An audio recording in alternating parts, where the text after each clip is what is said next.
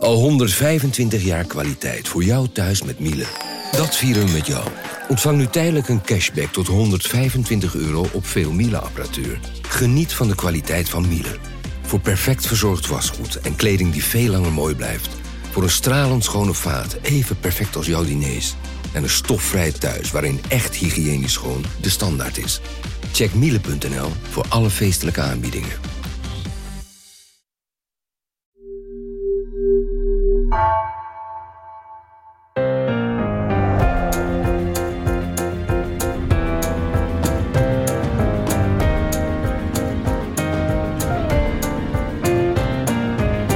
Dit is Haagse Zaken van NRC. Mijn naam is Lemia Aharwai. Zes weken later dan gepland een akkoord over de asielwet van het kabinet die de spreiding van asielzoekers door het land moet regelen. De wet die zou eigenlijk al begin oktober door staatssecretaris Erik van den Burg voor asielmigratie worden ingediend, maar zijn eigen partij, de VVD, die had bedenkingen en kritiek. Deze week moest Mark Rutte, die naast premier ook VVD-leider is, de fractie komen overhalen om toch met die wet in te stemmen. Hoe hij dat heeft gedaan, of hij iets heeft beloofd bijvoorbeeld, en zo ja, wat dan, dat blijft vaag. Maar dat geldt ook voor de vraag in welke rol hij een bezoekje aan de VVD bracht. Fractievoorzitter Sophie Hermans, die wilde er heel precies over zijn. De premier is naar de VVD-fractie gekomen, of de Mark Rutte als voorman van onze partij, ik moet het heel precies zeggen, is naar de fractie gekomen om te vertellen wat zijn inzet is als voorman van onze partij in het kabinet. En dat moet hij doen en hij is de enige die dat kan. Maar VVD-Kamerlid Ruben Brekelmans, die het woord voert over asiel, die dacht zaken te hebben gedaan met de premier. We hebben toezijn gekregen dat onze premier en onze partijleider, dus in zijn functie als premier, dat hij daar de ernst van inziet en dat hij daar volop mee aan de slag gaat. En dat wij ook verwachten dat daar snel resultaat van komt. En Rutte zelf, die zag het zo. Nou, wat de coalitie allemaal verwacht zal wel. Ik ben hier als voorman van de VVD. Maar u bent hier ook als premier, toch? Nee, ik ben hier als voorman van de VVD. Nou goed, eindstand. De VVD-fractie die stemt alsnog in met de wet van Van den Burg. En in deze Haagse zaken hoor je over dat wetsvoorstel. Wat erin staat, ook wat er dus niet in staat. Waarom het een probleem in de coalitie opleverde. En wat deze kortstondige crisis betekent voor de VVD. En dat doe ik met bij mij VVD-volger Peter de Koning die afgelopen, wat was het, dinsdag urenlang op een VVD-gangetje stond? Ja, vanaf kwart over tien tot een uur of vier, denk ik wel hoor. Ja, was beveiliging bij, begreep ik? Ja, we werden tegengehouden op twee plekken. Dat was nieuw in dit gebouw. Voor hen was het ook nieuw, voor de VVD, hoe dat dan precies zou werken. En waar journalisten alsnog in de buurt konden komen van de fractiekamer. Nou ja, ze gaan het eh, denk ik evalueren en ik hoop wel anders doen. Ik heb uh, deze week dus geleerd dat je als fractievoorzitter daarom mag vragen. Dus dat je kan vragen aan de beveiliging om dat voor je te gaan doen. Ja, en dan komen de bodes daar staan. Ja. En de, de beveiliging regelt dat. Oh, dat was uh, nieuw in ieder geval. Ook bij mij hier is Denise Reetera, uh, redacteur Justitie en Veiligheid. Je schrijft veel over asiel en migratie. Hoe zag jouw dag eruit? Burgemeesters bellen en wetteksten lezen Vooral uh, burgemeesters hebben natuurlijk in spanning gewacht op deze spreidingswet. En uh, de wet hebben we ook allemaal heel lang op gewacht. Die heeft uh, Van den Burg dinsdagavond gepresenteerd eindelijk. Ja. Een sneltreinvaart lezen. Nou, daar ga je ons straks alles over vertellen. Het was een roerige week, kunnen we wel zeggen. zowel dus voor de VVD als voor Erik van den Burg. de man die er een wet doorheen probeerde te loodsen. En om dat te begrijpen wil ik eerst even met jullie terug naar de zomer. Want Denise, jij zat hier in het zomerreces. Toen was er eind augustus een akkoord gesloten. Er was een asieldeal gesloten tussen de coalitiepartijen. En dan nu dit. Wat is er in de tussentijd gebeurd? Nou in augustus was er inderdaad een, eh, een akkoord tussen Van de Burger en de coalitiepartijen over asiel. Daar stonden allerlei afspraken in. De opschorting van de gezinshereniging stond daarin. De Turkije-deal uh, zou worden opgeschort dat waren eigenlijk maatregelen waarmee D66 en de ChristenUnie niet heel blij waren. Die zijn vrij progressief op het gebied van asiel. En uh, daartegenover stond voor hen uh, de spreidingswet, waar de VVD dan weer minder blij mee was. En uh, dat is een, een wet die ervoor moet zorgen om asielzoekers beter te spreiden over Nederland. Dus er was een deal gesloten en daar maakte die spreidingswet dan onderdeel van uit. En ja. eigenlijk gingen ze dus, hè, nadat die deal was gesloten, was de afspraak: oké, okay, hier gaat Van de Burg mee aan de slag. Ja. Maar ja, Petra, die deal, lag toen, Denise noemde het al, eigenlijk best wel ingewikkeld bij een deel van de coalitie. Ja, bij de ChristenUnie kwamen meteen op de avond van die deal kwamen er brieven binnen uh, van leden die een extra congres eisten. En dat ging vooral over die gezinshereniging. Uitstel daarvan lag echt heel gevoelig voor de ChristenUnie. Uh, en zij eisten, die leden die eisten een extra congres. En dat is er ook gekomen in Ede op 1 oktober. Voor de VVD lag die wet die Van den Burg had beloofd aan de coalitie, die lag meteen al heel erg ingewikkeld. Er kwamen uh, boze brieven uit het hele land, uh, vooral uit Limburg en Denise, Zuid-Holland of Noord-Holland? Noord-Holland was het. Noord-Holland, ja. Ja, van ja. En ook nog eentje van fractievoorzitters door heel het land eigenlijk. Ja, dus van fractievoorzitters van de VVD, bestuurders, die dit gewoon echt niet wilden. Die wilden niet uh, verplicht worden om asielzoekers op te nemen. Dus oké, deal, meteen een soort van uh, gemoor in allebei de coalitiepartijen, tenminste in twee van de vier moet ik zeggen, uh, VVD en ChristenUnie. Nou speelt bij de VVD natuurlijk wel wat anders al langere tijd meer. Daar hebben we het hier in Haagse Zaken ook wel vaker over gehad. En dat is dat gevoel, wacht even, dat VVD-geluid in deze coalitie, is dat überhaupt al aanwezig? Bij uh, een flink aantal VVD-leden is het idee dat dit coalitieakkoord echt een D66-akkoord is. En dat de VVD niet zoveel in te brengen heeft gehad. Dus dat ligt echt ingewikkeld. Dat weten ze hier in Den Haag heel goed. Dus uh, ja, dat beeld proberen ze bij te stellen. Maar Denise, dan vraag ik me toch even af. Ze eindigen dus met een akkoord, ondanks alle uh, gevoeligheden. Van de Burg krijgt een opdracht om uh, een wet uh, te gaan maken. En nu, een paar weken later, een paar maanden later moet ik eigenlijk zeggen, totale crisis even. Wat is daar misgegaan? Nou ja, begin oktober had die er al moeten zijn, dat wetsvoorstel. Dat was echt wel een harde deadline voor Van den Burg, die die echt graag wilde halen. Dat hij op 1 januari eigenlijk wil dat die wet al in werking is. Mm -hmm. Die haalde hij niet, omdat de VVD dus, um, zijn eigen fractie uh, was dus tegen. En hij moest dus weer terug naar de tekentafel. Toen was de deadline het herfstreces, uh, eind oktober, ook niet gehaald door de VVD, omdat hij nog steeds tegen was. En de nieuwe deadline was afgelopen maandag. Uh, het was een deadline van de burgemeesters, die er wel klaar mee waren. Die hadden zoiets van leveren nu. Ja, precies. En afgelopen vrijdag leek het er ook echt op dat de fractievoorzitters en Van den Burg eruit waren, grotendeels. Op hoofdlijnen was er een, een akkoord. Maar later dat weekend uh, werd duidelijk dat een deel van de VVD-fractie nog steeds tegen was. Dus die fractievoorzitters die waren er uh, onderling uit. Maar ja, daar eindigt het natuurlijk niet, Petra. Nee, dan moeten ze dat gaan voorleggen aan hun fracties. Nou, dat was bij drie van de vier geen probleem. Maar de VVD had op zondagmiddag een digitale fractievergadering. En dat liep anders dan Sofie Hermans had gedacht. Daar waren nog zo ontzettend veel uh, vragen over die wet. Ze hadden geen zin om hiermee akkoord te gaan. Hebben we enig idee waar dat dan mis is gegaan? Nou ja, wat heel ingewikkeld ligt voor al die VVD'ers... is dat het, uh, het, het dwingende aspect van deze wet... Weet je, dat die gemeentes moeten, die moeten die asielzoekers opnemen. Hè? Zo, zo is het steeds uitgelegd. Ja, en dus ook na het akkoord dat Sofie Hermans namens de VVD Precies. heeft gesloten... was dat dus niet afdoende voor ze. Nee, en daar speelde dan ook steeds mee van ja, je kunt dit wel doen, gemeentes gaan dwingen, maar wat als er steeds meer asielzoekers bijkomen? Heel even een, een zijstapje, want uh, dwang, de wet waar we het over hebben, gaan hebben, uh, heeft nogal verschillende namen gekregen. Het is de asielwet, het is de spreidingswet, maar het heet ook bij sommige partijen de dwangwet.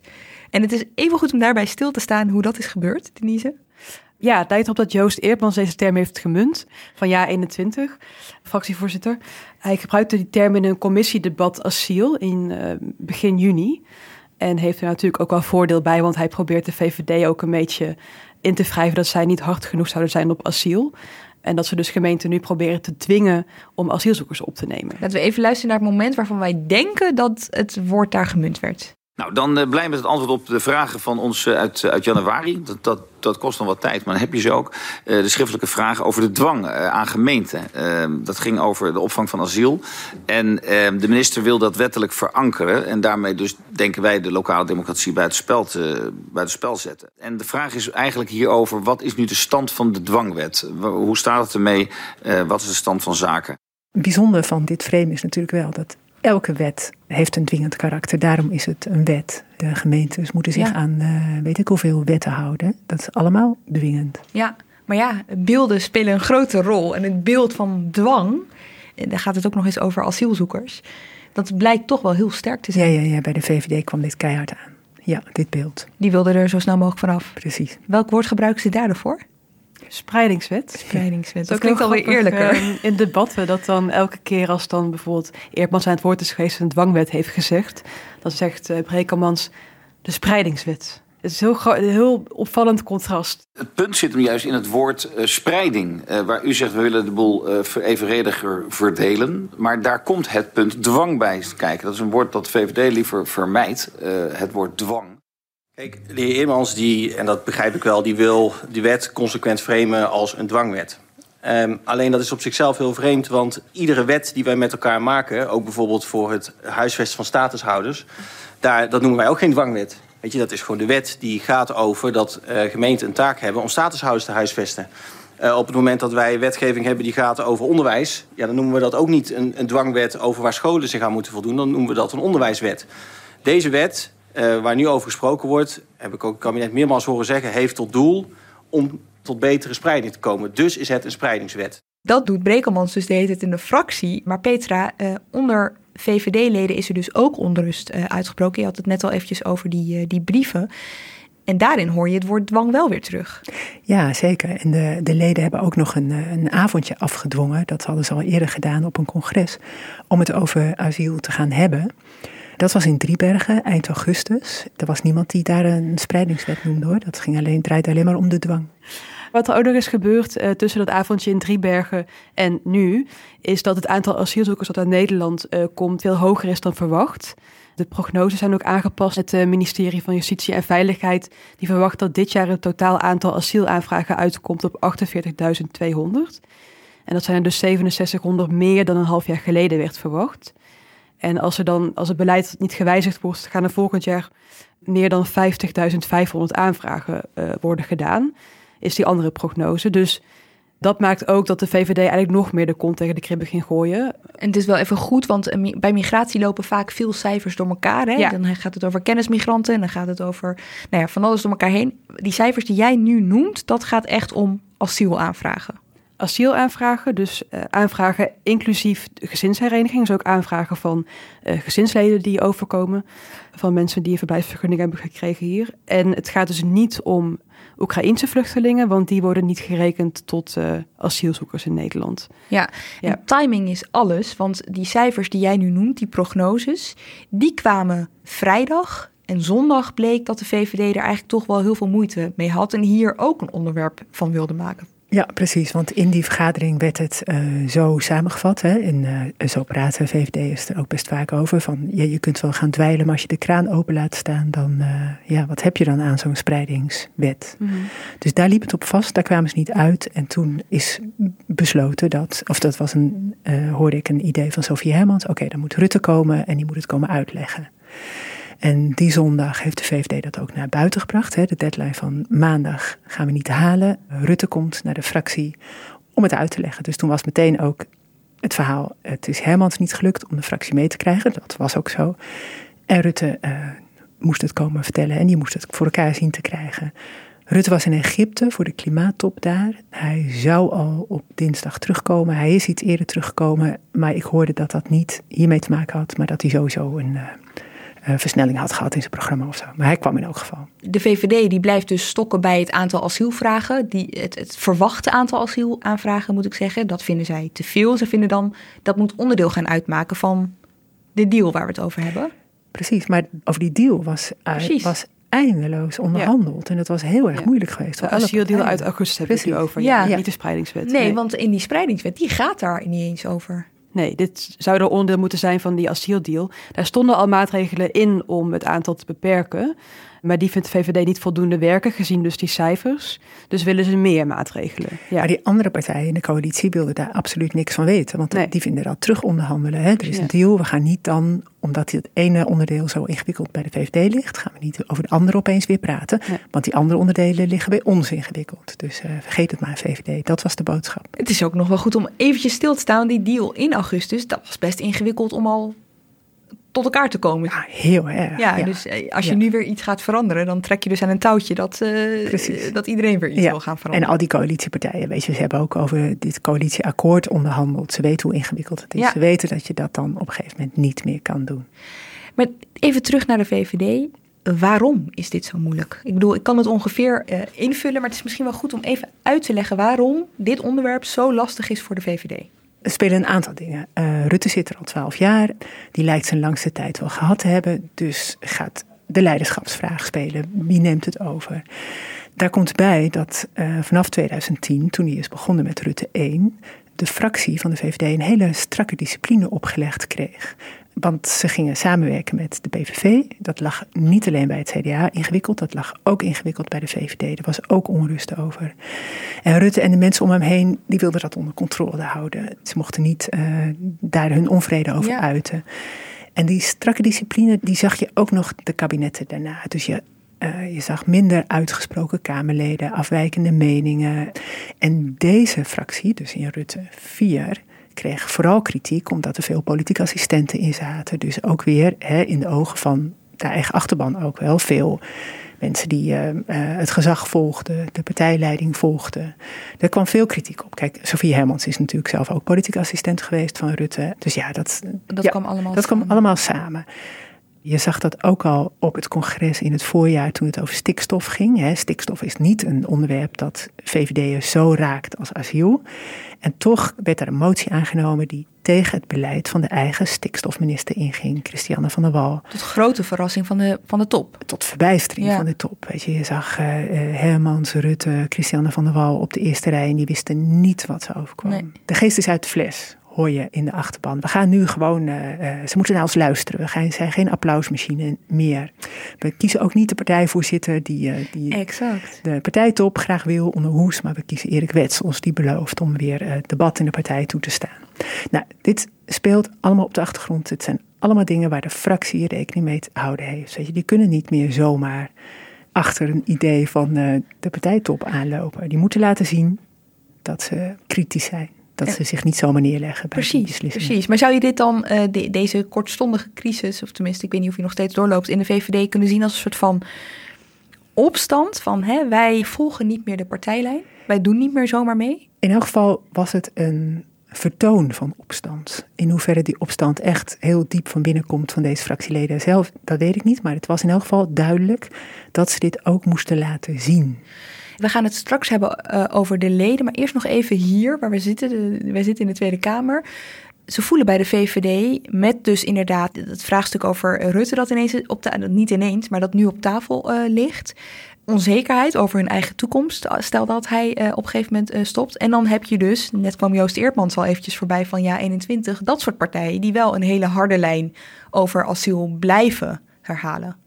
Ja, precies. Want dit uh, rechtse deel van de VVD-achterban, dat heel luidruchtig is over asiel en migratie, die ziet ook uh, jaar 21 wel zitten. Dus de partij is ook bang dat ze die kiezers kwijtraken aan jaar 21. En je ziet jaar 21 ook groeien in de peilingen. Dus het was extra pijnlijk dat juist Eertmans met uh, dat beeld van de dwangwet kwam. Ik stuitte nog op een onderzoek van INO Research van afgelopen september.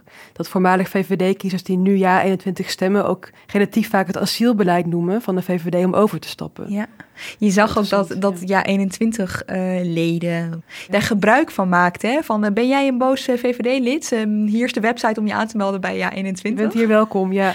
en je zag dat Joost Eertmans er ook handig gebruik van maakte. Die ging wachten bij de liften totdat Rutte kwam onderweg naar de VVD-fractie om ze daar te overtuigen om toch maar met die wet van Van de Burg in te stemmen. En die overhandigde daar aan Rutte. En er waren allemaal sociale media mensen van ja 21 die hingen er omheen om foto's en filmpjes te maken.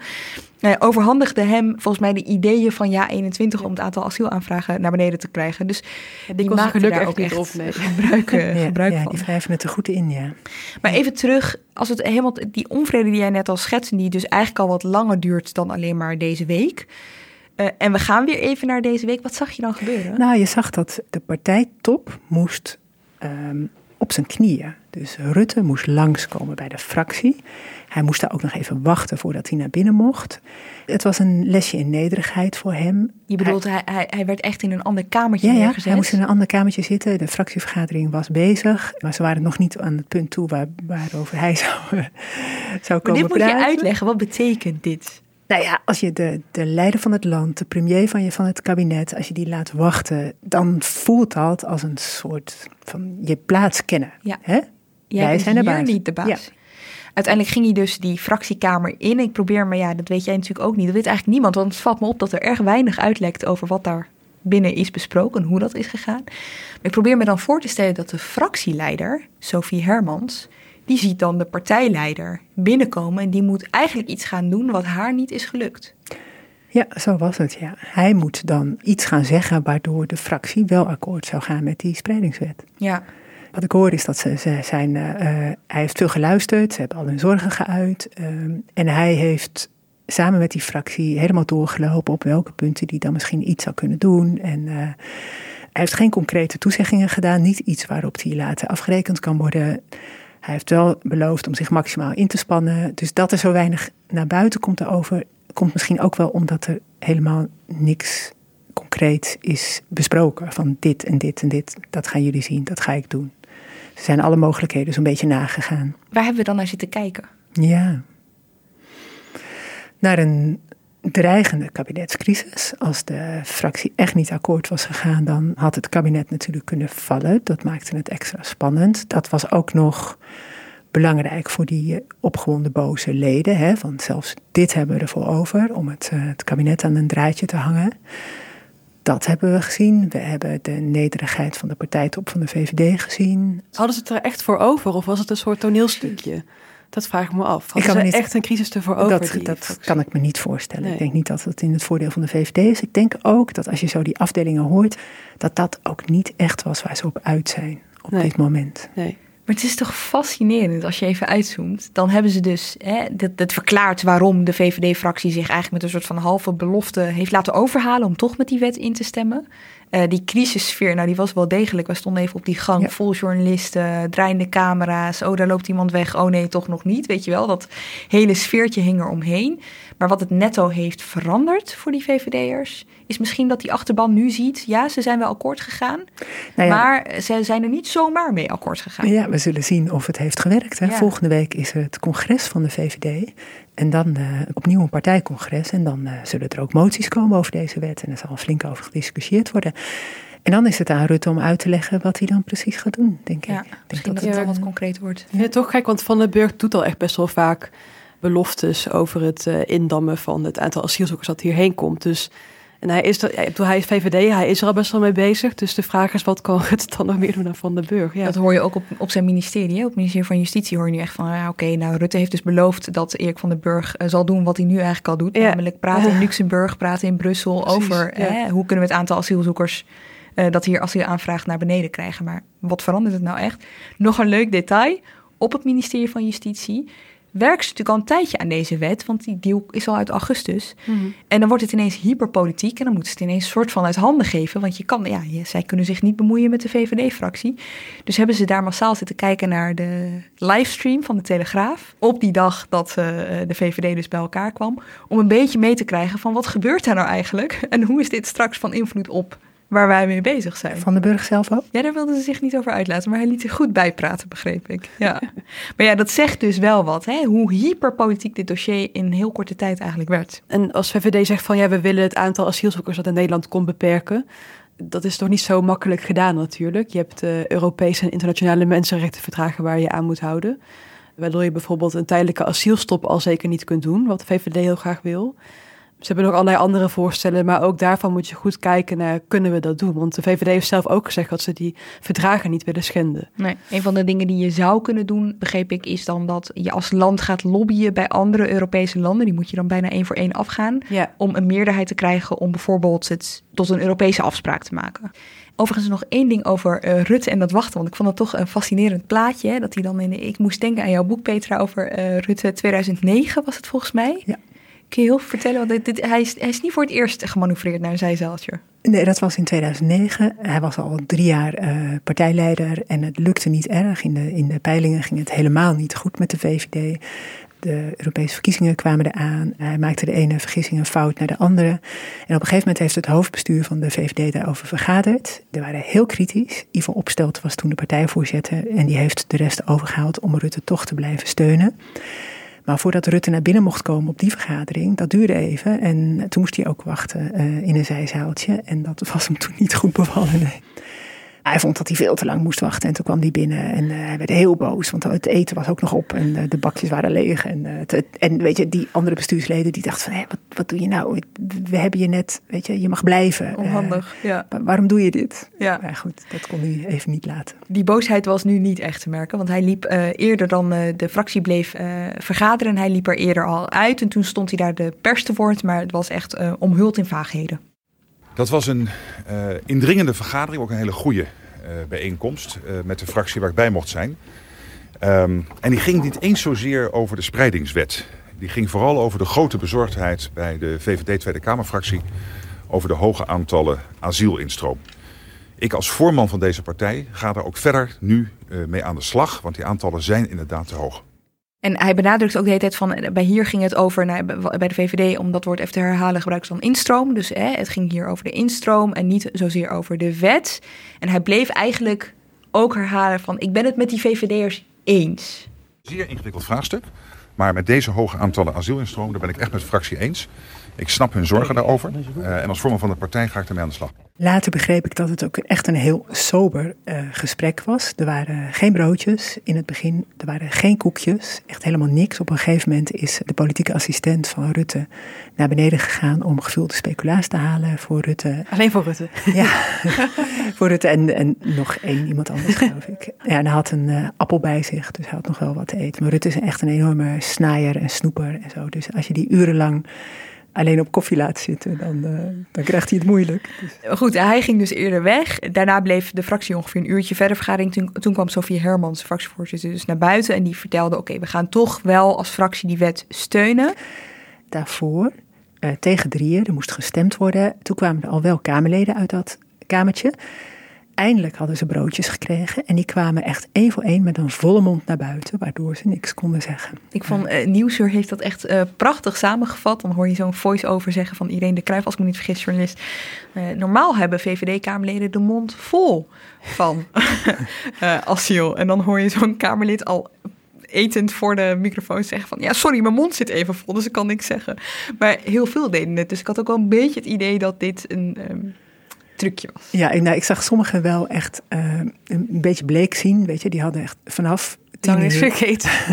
tot, uh, tot na drieën niks, uh, niks gegeten. Dus dat, maar even terug naar, naar, naar Hermans. want die stond daar. Die heeft dus een vergadering achter de rug gehad. Waarin de partijleider iets moest komen doen wat haar niet gelukt was. waarin ze ook niet echt beloftes had gehoord die ze kon gaan herhalen. En dat leverde dit op. We hebben een pittig gesprek gevoerd. En we hebben het heel lang met Mark samen, met Mark Rutte als voorman van onze partij gehad over uh, de instroom en de zorgen, de grote zorgen die er in de VVD-fractie leven over die hoge aantallen en dat die naar beneden moeten. En wij hebben hem doorgezaagd over hoe hij daarin zit, hoe hij daar naar kijkt en hoe hij als VVD-leider, als voorman van onze partij in het kabinet hiermee aan de slag gaat. En dat gesprek heeft ons voldoende vertrouwen gegeven uh, om nu te zeggen, dan kunnen wij de spreidingswet aan. Ja, dit was echt wel een beetje, ik moest denken aan dat filmpje ooit over Rob Jette, toen hij pas begon bij D66 uh, als uh, fractievoorzitter. En toen hij steeds hetzelfde zei. Ja, dat, daar deed me dit ook aan denken. Ja, um, ze zei echt wel zes of zeven keer uh, dat het een pittig gesprek was geweest. En pittig, pittig, pittig. Waarmee ze dus overduidelijk wilde laten zien, de hele VVD, dat het ontzettend moeilijk was geweest om uh, uh, akkoord te gaan. En dat ze Rutte dus hebben doorgezaagd, dat herhaalde ze ook ja, een paar keer. Dat Mark. zei ze ook, ja. ja. Maar het kwam, het kwam erg ingestudeerd over, ja. Wat blijft er dan onder de streep over? Dat blijft me toch een beetje fascineren aan hè, waar we dus naar hebben zitten kijken deze week. De VVD heeft dus niet gekregen wat het wilde. Moeten doen met een soort halve belofte. Rutte is enigszins beschadigd. Die moest dus naar een zijkamertje en die moest daar uh, iets gaan beloven. Je zou kunnen zeggen, hij heeft die steun wel gevonden in de VVD-fractie. Dus ja, ja, goed. Hij heeft wel zover gekregen. Precies. Uh, Sofie Hermans niet. Sofie Hermans, nou ja, dat lijkt me geen fijne week uh, voor haar. Nee. Om het maar even op die manier te zeggen. Dus wie heeft nou wat gewonnen? Niemand, denk ik. En zeker de, de VVD zal ook niet. niet heel blij zijn, denk ik nog steeds niet. Nee, dat zullen we volgende week zien. Maar ik kan Ja. het me niet voorstellen. Nee. Nee. Nou ja, we zouden kunnen zeggen Van den Burg, de staatssecretaris, ook Ja. VVD'er, eh, voor eh, asiel en eh, migratie. We komen nu bij de inhoud. Ik Ja. probeer me er, eh, die kant op te bewegen, want Die was heel vrolijk, ja. die was heel vrolijk. Die heeft nu een eh, wetsvoorstel dat hij eh, ter consultatie in ieder geval voor kan gaan leggen. Ja. Laten we het even hebben over dat voorstel, Denise, want jij hebt het helemaal uitgeplozen. Waar gaat het over? Het is vrij uh, gecompliceerd. Het werd elke keer best wel simpel omschreven als het wetsvoorstel dat een gemeente moet kunnen dwingen om asielzoekers op te vangen. Het heeft heel veel stappen, heel veel jargon. Ik ga het simpel proberen uit te leggen. Het begint er eigenlijk mee in februari. Dan uh, wordt er een eerste verdeelsleutel gemaakt. Dan gaan ze kijken naar het aantal benodigde plekken in Nederland. En wordt er een inschatting gemaakt van, nou ja, zoveel moet elke gemeente ongeveer gaan opvangen. En dan kunnen gemeenten vrijwillig opvangplekken gaan creëren. En als ze dan al meer opvangplekken gaan creëren dan dat ze eigenlijk moeten doen, dan kunnen ze 2500 euro per extra opvangplek krijgen. Maar dat kan wel alleen als die extra opvangplekken, als dat er meer dan 100 zijn in één opvangcentrum voor minimaal vijf jaar. Dan krijgen ze dat geld. En dat geld mogen ze vrij besteden, dus niet per se aan, uh, aan asielopvang. En dan na drie maanden is die fase voorbij, zeg maar. En dan gaan uh, provincie en uh, gemeente samen, die gaan dan kijken van oké, uh, hoeveel mensen moeten we nog opvangen? En dan wordt er een nieuwe verdeelsleutel gemaakt. Dus dan hebben we het over mei. Ja. En als ze dat hebben gedaan, dan gaat, is ook weer een deadline voor. Twee maanden hebben ze daarvoor. En dan gaat Van den Burg kijken of hij dat een eerlijk besluit vindt. En als hij dat vindt, neemt hij het over. zo niet, gaat hij zelf een, een nieuwe sleutel maken. En dan komen we eigenlijk pas in die dwangfase. Want als uh, gemeenten daarna alsnog niet hun, aan hun taak voldoen, zeg maar, dan kan uh, Van de Burg gemeente gaan dwingen om uh, asielzoekers op te vangen. Dit is dan de basis. En dan zijn er nog allerlei andere mogelijkheden. Je kunt bijvoorbeeld als gemeente kun je uitruilen. Stel dat de ene gemeente zegt van nou, ik huisvest liever statushouders dan dat ik asielzoekers opvang. En de andere gemeente zegt het andersom. Dan kun je zeggen van hé, hey, ik vang wat van jouw asielzoekers oh, op. En ik uh, huisvest wat van jouw statushouders. En dan kun je de uitruil maken. En dan voldoe je ook gewoon aan je taken. Ja, precies. Ja. En dus als ik het goed begrijp, eerst is er sprake van opvang op basis van vrijwilligheid. Ja. En als je boven die vrijwilligheid zit, dan krijg je per aangeboden bed nog eens een geldbedrag, namelijk 2500 euro. Ja. En als dat niet genoeg oplevert, dus zelfs als er gemeenten zijn die daar bo dus boven hun taken vrijwillig mhm. nog meer mensen opnemen, nou ja, helemaal vrijwillig krijgen er wat voor, ja. Uh, dan komt dwang om de hoek kijken. Ja, precies. Van den Burg zegt te verwachten dat de meeste gemeenten op basis van deze wet zullen gaan leveren. Dus dat mhm. er geen dwang aan de pas hoeft te komen. En hij krijgt de hele tijd een beetje dezelfde vraag, hè? Want hij ja, kan nu dus dit wetsvoorstel gaan indienen, maar heeft wel te maken met een partij waar hij zelf ook lid van is, die daar ontzettend over heeft zitten uh, morren. Mm in Nieuwsuur, 8 november, afgelopen week dus, werd hem gevraagd: wat zegt u nou tegen de VVD? En toen benadrukte hij ook van: eh, het gaat uiteindelijk om solidariteit tussen gemeentes. Nou, wat ik tegen iedereen zeg in Nederland, dus niet alleen tegen mensen die lid zijn van de VVD, is dat we op dit moment zien dat de opvang in Nederland niet eerlijk verdeeld is. En dat betekent dat een hele hoop gemeenten, waar ook VVD-kiezers wonen, nu meer doen dan andere gemeentes. En sommige gemeentes doen al jarenlang niks. En als je met elkaar zegt, wij willen echte asielzoekers opvangen in uh, Nederland, dan moeten we het ook op een eerlijke manier spreiden over het land valt me heel erg op aan hem. Hè? Dat hij de hele tijd is zijn boodschap, eh, ondanks dat die VVD'ers boos worden, of ondanks dat het, nou ja, zijn wet er bijna niet komt, of dreigt niet te komen, laat ik het zo zeggen, uh, dat hij dat de hele tijd blijft herhalen. Het gaat om solidariteit. Uiteindelijk gaat het erom dat die gemeentes allemaal aan hun taak voldoen. En solidair zijn ook naar elkaar toe. Bijvoorbeeld Ter Apel, die natuurlijk heel veel asielzoekers opvangt. Ja. Overigens is het nog wel uh, goed om eventjes te benoemen dat de dag dat de VVD er dus uitkwam en dat hij groen licht kreeg uh, van de burger, even wat onduidelijkheid ontstond over de beloning die gemeenten krijgen. Ja, het was heel opvallend, omdat hij had dat wetsvoorstel gepresenteerd. En het was ook, uh, er was een persbericht uitgegaan en um, een Kamerbrief, het voorstel. En alle media, ook NRC, kopte in nieuwsberichten extra geld voor vrijwillige opvang. Kabinet wil gemeenten verleiden met financiële prikkel. Gemeenten krijgen 2500 euro bonus.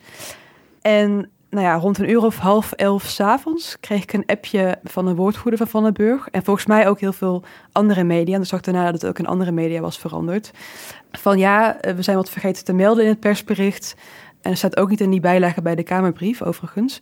Namelijk dat het gaat om extra opvangplekken waar je geld voor krijgt. En niet überhaupt voor opvangplekken. Dus Wat stel, nogal een essentieel detail precies, is natuurlijk. Precies, Ja. want even leek het erop dat je als gemeente echt binnen kon lopen als jij eh, asielzoekers eh, zou eh, opvangen. Ja. Maar eigenlijk is het dus, la- laten we gewoon een rekenvoorbeeld gebruiken. Stel, je bent een gemeente, je krijgt de opdracht om 500 asielzoekers op te vangen. Mhm. In eerste instantie, en dat domineerde ook even het beeld, leek het erop dat je dan dus 500 keer 2500 euro zou krijgen. Ja. Maar dat is dus niet zo. Nee, nee, nee. Dat is pas er zo dus- als je boven die 500 Precies, asielzoekers nog meer mensen gaat opvangen. Wat je zag gebeuren is dat, dat het daarna, eh, je had het net over wat krantenkoppen, maar dat beeld van als gemeente krijg je geld voor het voldoen aan je taak, Dat beklijft. dat beklijft, dat Ja. ging ook even door hè. Nou je gaat natuurlijk wel bericht aanpassen met het gaat om extra plekken, maar die koppen blijven natuurlijk staan. En ik bedoel, het is al eh, laat op de avond, dus dat is het beeld dat is neergezet. Overigens staat het wetsvoorstel, echt het eh, officiële wetsvoorstel, staat het wel tussen de regels hoor. Maar ehm, bij zo'n presentatie en Ja. bij, bij het persbericht en bij die bijlagen bij de Kamerbrief wordt het gewoon niet, eh, staat het niet. Maar dan moeten we even heel precies in zijn in hoe dat gaat. Want de VVD komt eruit. De fractievoorzitters van de coalitie die gaan met Erik van den Burg op het ministerie van Justitie en Veiligheid overleggen. Dan komt er een persberichtje. Ja, zeven uur kreeg ik persbericht, of iets na zevenen geloof ik. En om half acht verloopt het embargo dan, want dan eh, begint eh, Van den Burg aan zijn praatje. Ja, Ja. en de meeste kranten die zakken, nou ja, zo'n zo'n uur eh, later, weet Ja. je wel. Het is goed om uit te leggen dat die dynamiek, ja, dan in die tijd heb je niet eh, de ruimte om die hele wettekst te gaan lezen. nee, nee, Dus als er zo'n foutje insluipt, foutje, dan heeft dat dus nogal gevolgen voor de beeldvorming. heel erg, ja. Ja. Maar Denise, nu hebben we het de hele tijd dus gehad over eh, de vrijwillige kant van deze wet, zal ik maar zeggen. Maar het heet niet voor niets bij sommige partijen de dwangwet. Die Mhm. kant zit er ook aan. Wat zegt die wet daarover? Dat is heel interessant. Niet zoveel specifieks. Er staat in, ehm, nou ja, dat als dus die tweede verdeelsleutel is gemaakt en gemeenten dan nog eh, blijven weigeren om aan hun taak te voldoen, dat dan de staatssecretaris het kan afdwingen. Maar het is onduidelijk hoe dat in de praktijk er gaat uitzien. Ik heb het ook aan de woordvoerder ehm, van de Burg nagevraagd en het was hem ook nog niet duidelijk. Sterker nog, het lijkt Van den Burg zelf ook nog niet helemaal duidelijk te zijn. Nee. Luister maar, er wordt er naar gevraagd bij de NOS. De meeste gemeentes zullen gewoon op basis hiervan gaan leveren. Dat is één. Daarna komt het gesprek met binnen de provincie. En dan kun je als gemeente zeggen: geef mij nou meer van dit, dan doe ik meer van dat. Dat zal ook helpen de solidariteit tussen buren. En buren kunnen elkaar ook gaan aanspreken. Want op het moment dat buren elkaar aanspreken, krijg je het op provinciaal niveau rond.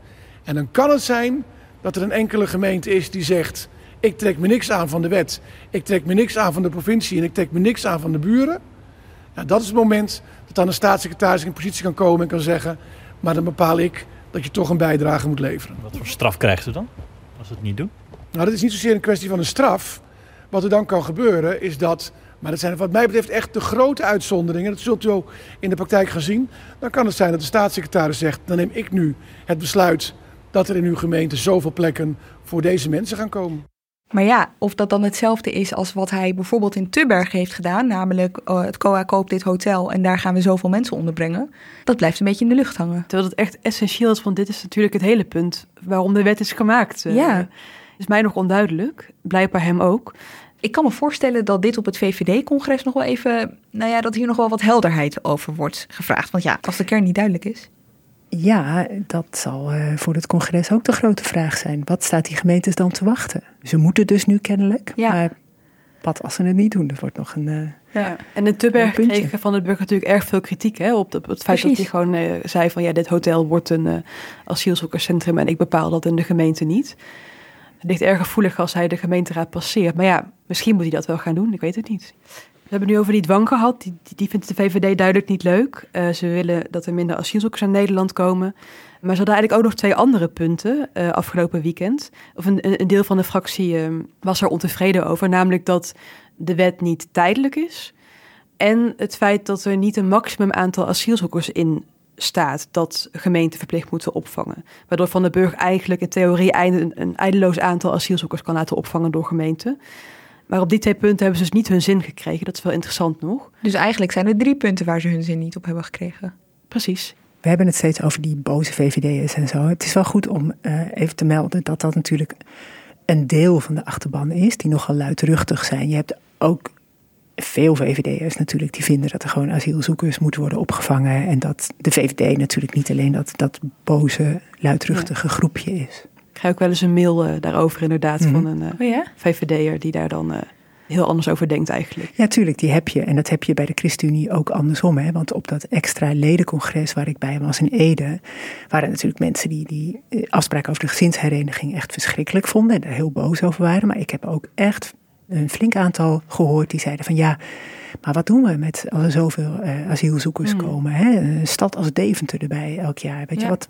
Dus dat, die woorden gebruikten ze ook. Dus Ja. die zorg was daar net zo goed. Laten we het nog even hebben over eh, de ChristenUnie. Want eh, deze week ging het veel over de VVD. Maar ondertussen gebeurde er ook wel wat bij de ChristenUnie. Ja, want de ChristenUnie heeft een week na de VVD een partijcongres. En uh, bij de ChristenUnie moet je de moties voor zo'n congres altijd vrij vroeg indienen. De deadline daarvoor, voor die moties op het congres, was afgelopen maandag. Dus op de dag dat ze bij, uh, uh, ja, weet je, dat ze bij de VVD er nog niet uit waren gekomen. En het erop leek dat ze misschien helemaal niet mee akkoord zouden gaan. Dus bij de ChristenUnie werd toen een motie ingediend door een groepje waarin stond dat het vertrouwen in de VVD als betrouwbare regeringspartner werd opgezegd. Dus ze zeiden tegen mij van ja, weet je, als op ons congres, als het tegen die tijd wel een goede wet ligt, dan houden we die motie aan, maar anders brengen we hem in stemming. Oké, okay, dus dat kan nog spannend worden. Nou ja, als we op een of andere manier die wet ja. maar goed, die, als er iets gebeurt waardoor het uh, toch weer wordt tegengehouden of zo, ik kan me niet voorstellen, Denise, kan er nog iets? Nee, hè? hij is nu gewoon uh, gestuurd en alles. Ja? Ja, ja. precies. Maar het, het, was een dreigement. Ja, en uh, wat me ook nog wel opviel, want ja, uh, alle ogen waren gericht op uh, de VVD. Maar ik vond dat D66 en de ChristenUnie ook wel. Laconiek is niet helemaal het goede woord, maar die zaten een beetje te turen naar wat daar gebeurde. En die hadden ook een soort van houding van, nou, wat ons betreft gaat er verder helemaal niks meer veranderen. luister maar bijvoorbeeld naar Gert-Jan Segers. Als hij een onderwerp wil agenderen, dan staat hem dat uiteraard helemaal vrij. En als hij zegt, ik wil daar graag met de, de, de smaldelen over spreken... ik wil daar graag binnen de coalitie ook met de fracties over spreken... Uh, ja, dan lijkt me dat een, een, een, uh, een, onderwerp waar inderdaad het gesprek over gevoerd moet worden. Maar klinkt dat niet als een toezegging aan de VVD-fractie... waar u juist zo tegen bent? Zijn toezegging is, is dat hij wil praten. Wat hij niet kan toezeggen is de uitkomst van het uh, gesprek. En dat kan ik ook niet toezeggen. Dit was dus bij Nieuwsuur. En dit vond ik er dan ook wel weer heel boeiend aan. Dus je hebt de VVD, je hebt de ChristenUnie, je hebt D66. Maar waar was het CDA? Ja, waar was het CDA? Die volg jij, die partij. Want de partijlijn, nou, wij waren allebei bij het congres. Afgelopen, wat was het, zaterdag. Daar vertelde partijleider Wopke Hoekstra nog over hoe belangrijk het was... dat er meer grip op migratie zou komen. Dus je zou denken, dit is het moment om je aan te sluiten bij VVD bijvoorbeeld, om die kritiek ook te laten horen. Maar nee, bij het CDA kozen ze er eigenlijk voor om zich gewoon een beetje nou ja, terug te trekken en te kijken wat er gebeurde. Exemplarisch daarvan vond ik wel dat overleg bij Erik van den Burg door die vier fractievoorzitters. Dat nou ja, eh, Paternotte van D66 heeft een opvatting, Segers heeft een opvatting van de ChristenUnie, Hermans van de VVD heeft een opvatting. en dan staat Pieter Heerma voor de uh, microfoon. En dan gaat hij een soort analyse geven van ja, de VVD is eruit, alsof hij een soort nieuwslezer is. De VVD is eruit en wij gaan nu in gesprek met Erik van den Burg. Maar een opvatting, nee, die hoor je dan niet. En dat vind ik heel boeiend. Ze kiezen er dus voor om zich in speeches er wel over uit te spreken. Maar hier in de Kamer, in zo'n crisisweek, ja, zoeken ze toch een beetje de luwte op. En die achterban, hoe denkt hij erover? Nou ja, dat is een beetje de vraag. Want ooit was het zo dat, en dat is misschien nog steeds zo, maar ik heb er eerlijk gezegd gewoon echt geen zicht op. Dat je, je had twee kanten. Dus je had de barmhartige kant, die dan mm. zei meer, meer, meer. En je had de kant die er ja, toch ook wel wat meer op zijn VVD's in stond. Die zei van ja, we moeten wel mensen opvangen die vluchten voor oorlog. Maar er zijn wel grenzen aan wat we kunnen. Je hebt Hugo de Jonge gehad natuurlijk, die daar een aantal keer een punt van probeerde te maken die normaal gezien bij het CDA zijn allebei de kanten vertegenwoordigd. Maar je ziet dat het aantal zetels voor het CDA in de peilingen behoorlijk aan het afnemen is. En de vraag is, wat blijft er over? Welke kant is er overgebleven in het CDA? Ja. Als het nog maar één kant is. Kan dat weten ze zelf ook nog niet, dus blijkbaar. Want ze kiezen dus geen kant. Nee, tenminste, nou ja, uh, niet, niet in deze crisis. Nee. nee. Ja, ze zijn dus wel van plan om er een punt van te maken. Maar behalve dat ze zeggen dat het een punt exact. is, ja. uh, uiten zich daar niet over. Ze nee. hebben in elk geval dit moment van deze week voorbij laten gaan nog één ding. En dat gaat over hoe het nu verder gaat. Ja. Want um, Van den Burg heeft dus groen licht. Legt de wet dan voor ter consultatie. Wat ja. betekent dat in de praktijk? Nou ja, dat uh, belanghebbenden, zoals gemeentes bijvoorbeeld, die kunnen dan uh, feedback geven. En dan uh, kan er nog wat aangepast worden aan het wetsvoorstel eventueel. Dan gaat het naar de ministerraad. Die vragen dan advies bij de Raad van State. En daar kan het nog best spannend worden. Ja, op die uitvoerbaarheid. Want daar had, uh, ik belde gisteren met Jan van Zanen, burgemeester van Den Haag, uh, VVD-burgemeester en ook voorzitter van de VNG. Vereniging Nederlandse Gemeenten. En die zei van, ja, we moeten wel echt goed kijken naar die uitvoerbaarheid. Hij kon daar nu nog zelf niks over zeggen. Maar goed, ja, ik bedoel, het is niet voor niks asielcrisis natuurlijk. Er is onwil bij gemeenten, maar soms ook wel echt dat ze het gewoon echt niet kunnen. Dat ze gewoon echt geen plek hebben. Dus er moet echt goed worden gekeken van, ja, is dit wel te doen? Kunnen bepaalde gemeenten wel echt het aantal opvangen dat ze moeten opvangen? Bijvoorbeeld, dat, dat kan een punt zijn uh, op de uitvoerbaarheid. Ja. En nou legde je helemaal aan het begin uit dat Van den Burg nogal wat deadlines heeft gemist uh, de afgelopen tijd. Hangt hier nou een deadline aan? Moet die wet door beide kamers zijn voor een bepaald moment? Hij had heel graag gewild en wil nog steeds natuurlijk voor 1 januari. Dat 1 januari die wet van kracht kan gaan. Maar uh, nou ja, hij heeft er zelf ook al zijn twijfel over uitgesproken. Ik kan het niet voorspellen, maar het zou erg snel zijn. En Petra, jij bent dus volgende week uh, bij de VVD, het congres in Rotterdam. Is Van den Burger eigenlijk ook bij, weten we dat? Ja, volgens mij heeft hij aangekondigd dat hij daar de, de wet gaat verdedigen als het nodig is. Ja. Oké, okay, nou misschien wordt het dan zijn. iets concreter allemaal. Dank jullie wel voor nu. Peter de Koning en Denise Retera. En jij ook weer bedankt voor het luisteren. Deze aflevering werd gemaakt door Iris Verhulstonk en in elkaar gemonteerd door Pieter Bakker. Volgende week zijn we er weer. Heel graag tot dan.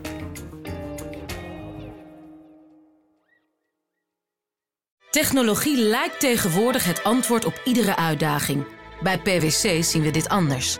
Als we de potentie van technologie willen benutten, kunnen we niet zonder een menselijk perspectief. Human-led, tech-powered noemen we dat. Ga naar pwc.nl.